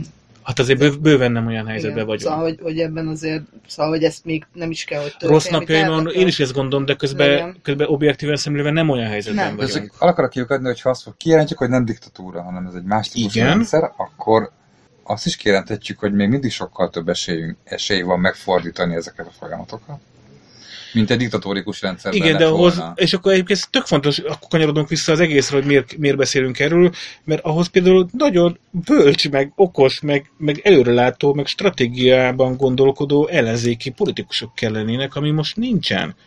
Egyébként ezzel a gondolattal nem mindenki ért egyet, amit mondasz. Például TGM pont azt mondta, de a Zsizsek is mondta ezt, hogy azon sajnálkoztak, hogy a Macron nyert Mhm. Franciaországba, ugye, és nem a Mary Le Pen, mert hogy jobb lett volna a Mary Le Pen nyer, mert akkor felgyorsulnak az események, tehát ugye a, a szar annyira kulminálódik, hogy Jó, de mondja Ne, ne, nyugodtan. ne, szólj bele. azt hogy má- más faszával könnyű verni a Ez csátot. oké, Jó, hát de ez most csak egy gondolatot De mondom. De nem, én, én, nekem a fejemben, miközben mondja a Viola, nekem a Vona Gábor, és ezek vannak a fejemben, úgyhogy mondjad végig a De- de sztorit, mert, mond- mert közben lefordítom a TGM Meg magyarra. a, Zsizsek, a TGM meg a Zsizsek mondta ezt, mert hasonlóan fogalmaztak, hogy jó, minél előbb jöjjön a nagyon nagy rossz, tehát Mary mind a Macron, ami Macron se jó, az is az a kis rossz, mert hogy így, így attól, hogy a Macron lett, a kisebbik rossz, így sokkal tovább fog tartani ez a... Szuper, tehát akkor tök jó, hogy a Trump nyert. Igen, azt mondták. Igen. A Hillary Clinton az borzalmas lett volna szerintem is, nem arról van szó, de a Hillary Clinton egy borzalmasabb volt a Trump győzelme. Na, miért? A Macronnál is egy borzalmasabb lett volna a Mary Le Pen. Én kiírtam, amikor nyert a, a Ma- Macron, hogy hajrá, meg hurrá, és tökre örültem, és most olvasom, meg nézem, meg a dolgait, nem, egyáltalán nem örülök, nem, mit csinál. De akkor kanyarodjunk vissza, bocsánat, oda, a, ami szerintem így a lezárása lehet a dolognak, mert hogy beszéltünk már arról, hogy milyen a választási rendszer, beszéltünk, a, de az fontos, hogy akkor, amikor azt látjuk napi szinten, hogy egyébként ezek a pártok egymással mocsaraznak, hogy ez miért van? Egyrészt nyilván a választási rendszer az egyik oka, hogy előre muszáj megkötni azokat a kompromisszumokat, amiket régebben a két forduló miatt elég volt később az első forduló után megkötni. Tehát ez az egyik oka. Ez a velejárója a dolognak most. Zárójel, ezt lehetne sokkal jobban csinálni, és nem árulok el olyan nagy zsákba a macskát, amikor azt mondom, hogy kurvára nem kéne üzengetni egymásnak. A médián keresztül mindenkinek kéne beszélni egymással, Nem mondd végig ezt. mindenkinek kéne egymással beszélnie, és nem elzárkózni, tehát hogy igenis képesnek kéne lenni egyeztetni, semmi nem szivároghatna ki az ilyen köztes beszélgetésekből, a médiának nem kéne állandóan azt forszíroznia, hogy ha bemegy bárki és a programjárokkal beszélgetni, az egészségügyről beszélgetni, mindig az a kérdés, oké, oké, de kivel fognak össze? Tehát, hogy a médiának is van ebben szerintem szerepe. Ezek így nem állnak össze, emiatt csak azt látjuk a magyar politikában ilyenkor 2013-ban és 2017-ben is, és ezt fogjuk látni 2021-ben is, hogy ki, kivel, hogy és mikor, és kivel nem, holott ezt lehetne jobban csinálni. Igen, én erre csak azt szeretném mondani, és most tényleg nem, én senkit nem akarok mentegetni, mert mindenki nagyon elkúrta, meg nem tudom, de hogy, hogy azért azt, azt szerintem az fontos, hogy, hogy ez egy nagyon új játék. Tehát, Már egy, nem, hát ettől, én ettől vagyok kibukva. Ne- nem, 2012 ne óta de- tudjuk, hogy ez Nem, lesz. nem, nem. Tehát, hogy igen, 2012 óta tudjuk, és 2013-ban volt egy darab kísérlet. Igen. Egy. Ami Ez most a nem második. össze. Szuper. Igen, szóval, hogy érted? Szóval, ö, ö, igen, csak azóta is ugye, azóta az amúgy szétrobbant ellenzék baloldali része, az még inkább atomjaira hullott. Na, és Új én- belépők vannak, nem Világos. tudom, tehát, hogy ezt a játékot, ez sajnos, ezt meg kell tanulni. Tehát ez De, egy ez, nagyon de bonyolult mi a picsáig játék. nem tudják, a Molnár Gyuláék, a, a, a Fekete Győr Andrásék, a Juhiék, a Párbeszéd, a kit hagytam ki, az LMP, a Szél Bernadett, mi a picsáig nem tudják. Gábor. A Fodor Gábor meg ezekről a pseudopártokon már ne is beszéljünk. Hát arra, a Tehát Fodor mitől nem a tudják? egy darab személyével nagyon fontos Ez- szerepe volt. Szóval, Mert Na, mert hogy én vissza akarok kanyarodni, amit igen, tehát hogy, hogy akkor, arról is kell beszélni, hogy miért ilyen atomizálódott ez az ellenzék. És szerintem ez tök fontos, ez, ezek ugyanis tök legitim dolgok, mert ez, ez szerintem ez baromi egyszerű, az én véleményem szerintem aztán lehet erről vitatkozni, az, az egy vízválasztó vonal, hogy gazdasági liberalizmus van, vagy, vagy, vagy nem hiszünk a gazdasági liberalizmusban. Ez már ketté osztja a, a Fidesztől balra álló térfelet. A másik ilyen a politikai liberalizmus, ebben azt látom, hogy nagyjából mindenki egy, ugyanazt gondolja, tehát hogy az ilyen alapvető emberi jogokban is a liberális államnak a visszaalakításában ebben nagyjából konszenzus van, tehát ott nincs törésvonal. Törésvonal van még az MSZP megítélésében, törésvonal van Gyurcsány Ferenc megítélésében, és törésvonal van a pseudopártok megítélésében. Ez a ez így most akkor négy, amit felsoroltam. Ezek osztják föl az ellenzéki térfélet ilyen Matrix-szerűen. Ezért nem, nem egy bonyolult, és hogyha ezek ezt a Matrixot elkezdjük összerakni, akkor igenis lehet a megoldást találni, csak ezt nem a nyilvánosságba kéne. De ezekből tényleges törésvonalak vannak az ellenzébe, ezt akarom csak mondani. De szerintem ez, ez tök jó. Azon nem múlhat, nem tudom, egy bármilyen valódi kormányváltó erő, hogy mondjuk itt azon kezdünk el vitatkozni, nem tudom, Gyurcsány Ferenc de igen, tudom. én azt gondolom, hogy de igen. De nem hogy, miattam, igen. a választók nem ja, fognak választók rászavazni, ez, okay. hogyha ott látják azon a listán. Ez ennyire egyszerű. Igen, más választók meg pont akkor nem fognak szavazni, hogyha nincs ott. Tehát, hogy érted, ezt el kell fogadnunk. Tehát, hogy azt, hogy ez egy létező dolog, ezt el kell fogadnunk, de hogy, hogy szerintem az, vagy nagyon sokszor van az, hogy jaj, de szar, hogy ilyen sok perc van. Nem, ez tök jó. Egyetértek, ez, ez, ez a normális. Egyetértek. Ez egy demokrácia, amiben van, tehát van létjogosultsága a jobb. És ezért zseniális a Fidesznek a, rend, a... a választási rendszere, mert tudja, hogy hülyék a pártvezetők, és képtelenek egymással dűlőre jutni. Hát igen, de ugye itt jön be a centrális erőtér, Így ugye van. A, tényleg a varázsszó, amit meg kellett tanulnunk, hogy igen, tehát ebben nagyon okos a Fidesz, és ez az, ami miatt egyébként szerintem az, hogy mondjuk diktatúra van-e vagy sem, az egy, ez egy nem létjogosult kérdés, de ilyen színes politikai palettánk az elmúlt 27 évben nem volt még, és előtte se, de még sokkal régebben, de hogy, hogy értetek, hogy, hogy van választási lehetőség, az egy más kérdés, hogy mondjuk ezen belül, tehát az, hogy mondjuk a, a Párbeszéd Magyarország programja micsoda, és mondjuk az, hogy viszonyul a hagyományosan ugye önmagát Balosnak nevező MSP programjához, ezek érdekes dolgok, de ez 300 ezek... érdekel, téged érdekel, igen, engem már annyira nem, neki, jó, igen. De hogy, hogy igen, hogy, hogy ez, azért ezeknek a pártoknak, és egyébként, hogyha megnézitek, akkor még a demokratikus koalíciónak is van, azt nem tudom, hogy a liberálisoknak van-e. Szerintem ennek egyébként tökre kell örülni, hogy ennyi párt van. Az, hogy ezek a pártok bének, az egyrészt nagyon is az ő hibájuk, mert ez bele van kódolva a rendszerbe, amit a Fidesz teremtett, plusz még ugye itt van ez De, a... És mit mondunk a hallgatóinak, hogy van olyan párt, aki ne, kevésbé béna, és van olyan párt, aki, aki tényleg tök béna? Én csak kérdezem, mert itt az Oli röhög, mert szerintem mindegyik... mindegyik... Szerintem akik a, a Szerint... közepesen bének, nagyon béna között terül. Őszintén például szerintem az LMP per pillanat jól csinálja. Tehát, hogy milyen szempontból akarjuk értelmezni azt, hogy mit csinálnak. Mert ez, ez az ultimate question. Szerintem ugyanis a nap végén meg kellene próbálni legyőzni a Fideszt az ellenzéknek. Ha a nap végén megpróbáljuk legyőzni a, a Fidesz, és erről, ezért beszéltünk hosszan a választási szabályokról, akkor tök egyértelmű, hogy egy kihívónak kell lennie a fidesz szemben. Abban a pillanatban, hogyha kettő, vagy három, vagy négy kihívó van, abban a pillanatban nyilvánvalóan sokkal kisebb az esély. Egy nagy záróját azért hadd had mondjak, ugye voltak időközi választások, volt országgyűlésik is, meg minden héten vannak önkormányzati időközi választások, csak általában kis bazitán, meg nagy bazitán, amikről nem hallunk infókat, de néha azért nagyobb helyeken is vannak Akkor választások. Igen, kis bazitákban állt, igen, igen, Devecser ugye pár héttel ezelőtt nyert. És ezekből például az látszott, amikor Zuglóban volt időközi választás idén tavasszal, hogy egyáltalán nem volt baj, hogy Zuglóban nem volt egységes indulása az ellenzéknek. Ott nem, a ellenzék alatt most azt értem, aki országosan ellenzékben van, mert ott helyben, ugye kerületben más a, egy kicsit a dolog, de ugye ellenzék alatt értem a Fidesztől balra álló tér felett. Ott ugyanis indult az MSP valami plusz egy-két nem tudom milyen szervezettel, indult külön egy civil szervezet, aki az együttel indult, együtt, és indult az LMP. És mégis nyerte a szoci. Tehát nem volt gond az, hogy az LNP is valamennyit elvitt, meg a civil zugló és az együtt is valamennyit elvitt, mert volt mozgástér. A mozgástér alatt azt értem, hogy egyszerűen nem volt elég a helyi Fidesz szavazó, ha kicsi valamilyen ö, mérték alá csökken a Fidesz szavazója, akkor hirtelen ezzel párhuzamosan nő a mozgástér.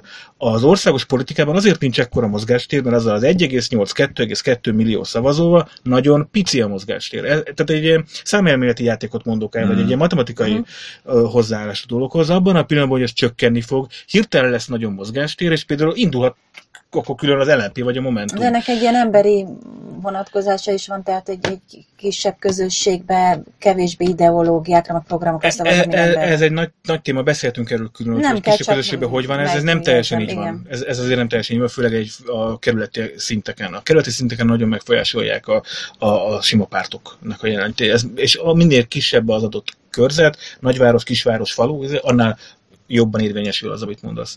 Van a pillanatban már nem lenne gond, hogy az egy LMP vagy a Momentum nagyon külön akar menni, de jelen pillanatban olyan kicsi a mozgástér, hogy hogy ha az a nap végén a kérdés, hogy le akarjuk győzni 2018-ban, akkor nem nagyon szabadna az, a, nem, nem megengedni, csak azt mondom, hogy amikor okos pártvezetőink vannak, akkor ők is arra tárgyalnak a végére, hogy egy jelölt legyen. De ez nem látszódik, innentől kezdve meg a úgynevezett hallgatóinak mondom, blame game indul be. Kiviszi el a balhét, hogy be megint kétharmada lett a Fidesznek. Blame game, ugye, rátkenem, vagy miattad. Nem, nem, te miattad. Ez a, ez, ez a folyamat indul be.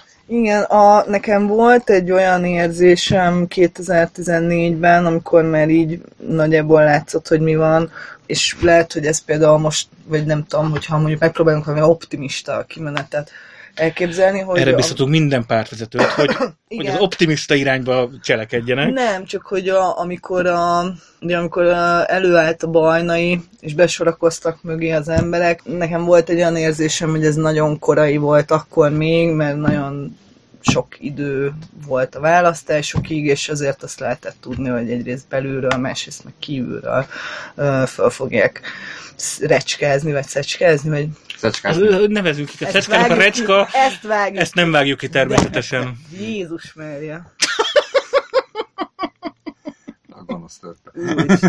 Jó, szóval, hogy... Szóval, amikor a bajra be, be kell recskázni... Föl fogják szalámizni. A, tehát ezt a ezt a konglomerátumot. Ó, de szép. Egyre, egyre jobbak vagyunk. De most ugye mondhatnánk azt, hogy tök jó, mert akkor most nincs annyi idő, hogy itt szétszedjék. De most már nincs. De most nincs viszont már egyáltalán, egyáltalán nincs, nincs. tehát hogy tegnap előtt lett volna az a pont kb. vagy holnap után, de hogy mondjuk... Október 23-án lett volna, csak elvitte igen. az eső. Már bocsánat. A, a piros jelzésű eső, igen. Piros jelzésű, ami pont délután 3 és 5 óra között nem esett. Valahogy. Hát ja, szerintem ez belefér. Uh, inkább az, az volt a baj, hogy szerintem az nem, nem volt baj, hogy, hogy a pártok úgy emlékeztek meg, ahogy október 23-án, hogy tökéletesen semmit mondó volt, mindenki eltűnt a, hát azért, az esőben és azért a, a Kunhalminak sikerült egy rákosista párhuzamot vonni az Orbánról. És azt kihallotta. Hát én még így nem azt mondom, hogy ez volt a legjobb, mert ez egy nagyon szar helyzet volt, ez az október 23 az ellenzéki pártoknak, de mondjuk azzal együtt, hogy már azt lehetett tudni, hogy nem állnak föl közösen a közös országmozgalom színpadára, ugye ezzel elveszett annak a szimbolikus lehetősége, hogy pont október 23-án adják egy reményt, akkor viszont nem baj, hogy így történt és esett. Visszakadom még a Viola, amit te mondtál, hogy minél rosszabb, tehát jobb, jöjjön a rosszabb, Igen. hogy ezen túl legyünk minden három hónapban van egy olyan pont, amikor azt mondjuk az Orbán éppen aktuális intézkedésére, hogy ennek már nincs lejjebb. Már nincs lejjebb. És mindig van lejjebb. És én nem hiszem, hogy valaha elérjük az alját. Most nem az Orbán egyet az életben, tehát az életben is mindig lehet lejjebb és lejjebb menni. Innentől kezdve, ha holnap jönne vonal kétharmaddal, annál is lenne majd még egy rosszabb. És már, tehát, hogy ne, szerintem pont, hogy ebből nem, a... ezt nem a magyar viszonyokra értettem feltétlenül, mert én már, én most ne haragudjatok, nem kell már megyét érteni, én nem hiszem, hogy a vonaik rosszabbak lennének, mint Jó, a... de nem, ez világos, ha nem kezdenek el magától... antiszemitázni, meg cigányozni. Majd azt akkor... a négy fal között fogják csak De tolni, igen. Most is megy a négy fal között. Megy, megy. Most is megy. megy. Na jó, csak ez olyasmi, amit viszont ne fogadjunk el. Nem Tehát kell elfogadni, de... az, hogy ez, ugyan, ez ugyanaz, lehet mint amikor azt mondjuk, csak né, otthon a négy fal között Ez az, szóval, hogy pontosan ezt Meg a, a, én ismerek zsi- zsidókat, azért hentesem is zsidó. Igen. Szóval, hogy, hogy, hogyha azt mondjuk, hogy nem baj, majd cigányozzanak a vonáik a négy fal között, az ugyanazt mondjuk, mint hogy a, nem baj, hogyha a négy fal között erőszakolja, meg akkor nem látom, és nem tudok róla. Tehát, hogy, hogy szerintem ez, ez nem jó. Nem, ez azért Tehát, hogy- nem, nem, nem, nem ugyanerről beszélünk szerintem. Azért megerőszakolni valakit a négy fal között, meg otthon vagy a, a kocsmában zárt közösségbe, mit tudom én, elmondani egy zsidó viccet, teljes, tehát ez teljesen más elmondani egy zsidó viccet otthon a konyhába, meg elmondani a, a médiában. Az erőszaknak nem a párja a zsidó vicc, hanem a, Az a másik, hogy igen, a hogy zsidó ro- üldözés a, a párja. igen, igen, igen, igen. Jó, de a zsidó vicc ugyanúgy mérgezi hosszú távon a társadalmat, Mindenképpen. meg elfogadott, tehát ez bizonyos normákat. Mondok akkor egy példát, egy, talán megértitek, hogy mire gondoltam. Például, hogy Reykjavikba járhatnak a dankórosok egyedül. Tehát fel, felszállhatnak a buszra, mert mindenki tudja, van egy kis kártyája, hogy valami történik, felhívják a izét, segítenek akármi. Ugyanígy segít akármi. Elfordul, leadta a dankóros, elfordul. Mi az Istenért kell a dankórosokat felengedni egyedül a buszra? Érted? Szóval, ked- tök, tehát érted, van az, a, nem tudom, értitek, amit mondani akarok. hogy a között azért tegyünk különbséget szerintem, hogy a buszvezetőről beszélünk el, vagy Vona Gáborról és a Jobbikról, mert a kettő nagyon nem ugyanaz. Ha Vona Gábor és az ő pártja, teszem azt, antiszemita, Ez befolyásolja az igen, országot. tehát hogy, hogy az kihat minden egyes uh, megnyilvánulásukon keresztül. És mi van akkor, hogyha Vona Gábor kifelé nem antiszemita, és soha nem is lesz, ott van a négy fal között a feleségével néha a zsidó Tehát én, erre, én erről beszéltem. De egyébként ilyen szempontból mivel jobb, mitől jobb az Orbán? Semmivel, ezt mondom, hogy a Orbán jobbra áll. Hogy, hogy, tehát, hogy az Orbán ugye a legnagyobb magyar volt Horti, a leges legnagyobb, ugye akinek köszönhetjük a Horti korszak, a zsidó törvények, a, a 44-et, mindent, majd megjön a Netanyahu, vagy hogy hívják, a, a iz, izraeli izé, és akkor bocsánatot kér a, a 44-es, meg a zsidó, most, most őszintén, hát ez, ez a nettó képmutatás. Hát egymás erőszakolta meg a két kijelentéssel. És ezt mindig elfogadják, az az 1,82,2 millió szavazó. Hát akkor már inkább a vona otthon mondjon el egy-két zsidó viccet az asszonynak, mint hogy, szóval ért, A, Szörnyű, a, szörnyű alternatívák között lavíroztok. Hát jó van, kedves hallgatóink, azt hiszem itt befejezzük. Szóval nagyon köszönjük, kedves hallgatóink, hogy hallgatotok minket Szombathelytől, Tiszadóbig, Szoptól, Kisvárdáig.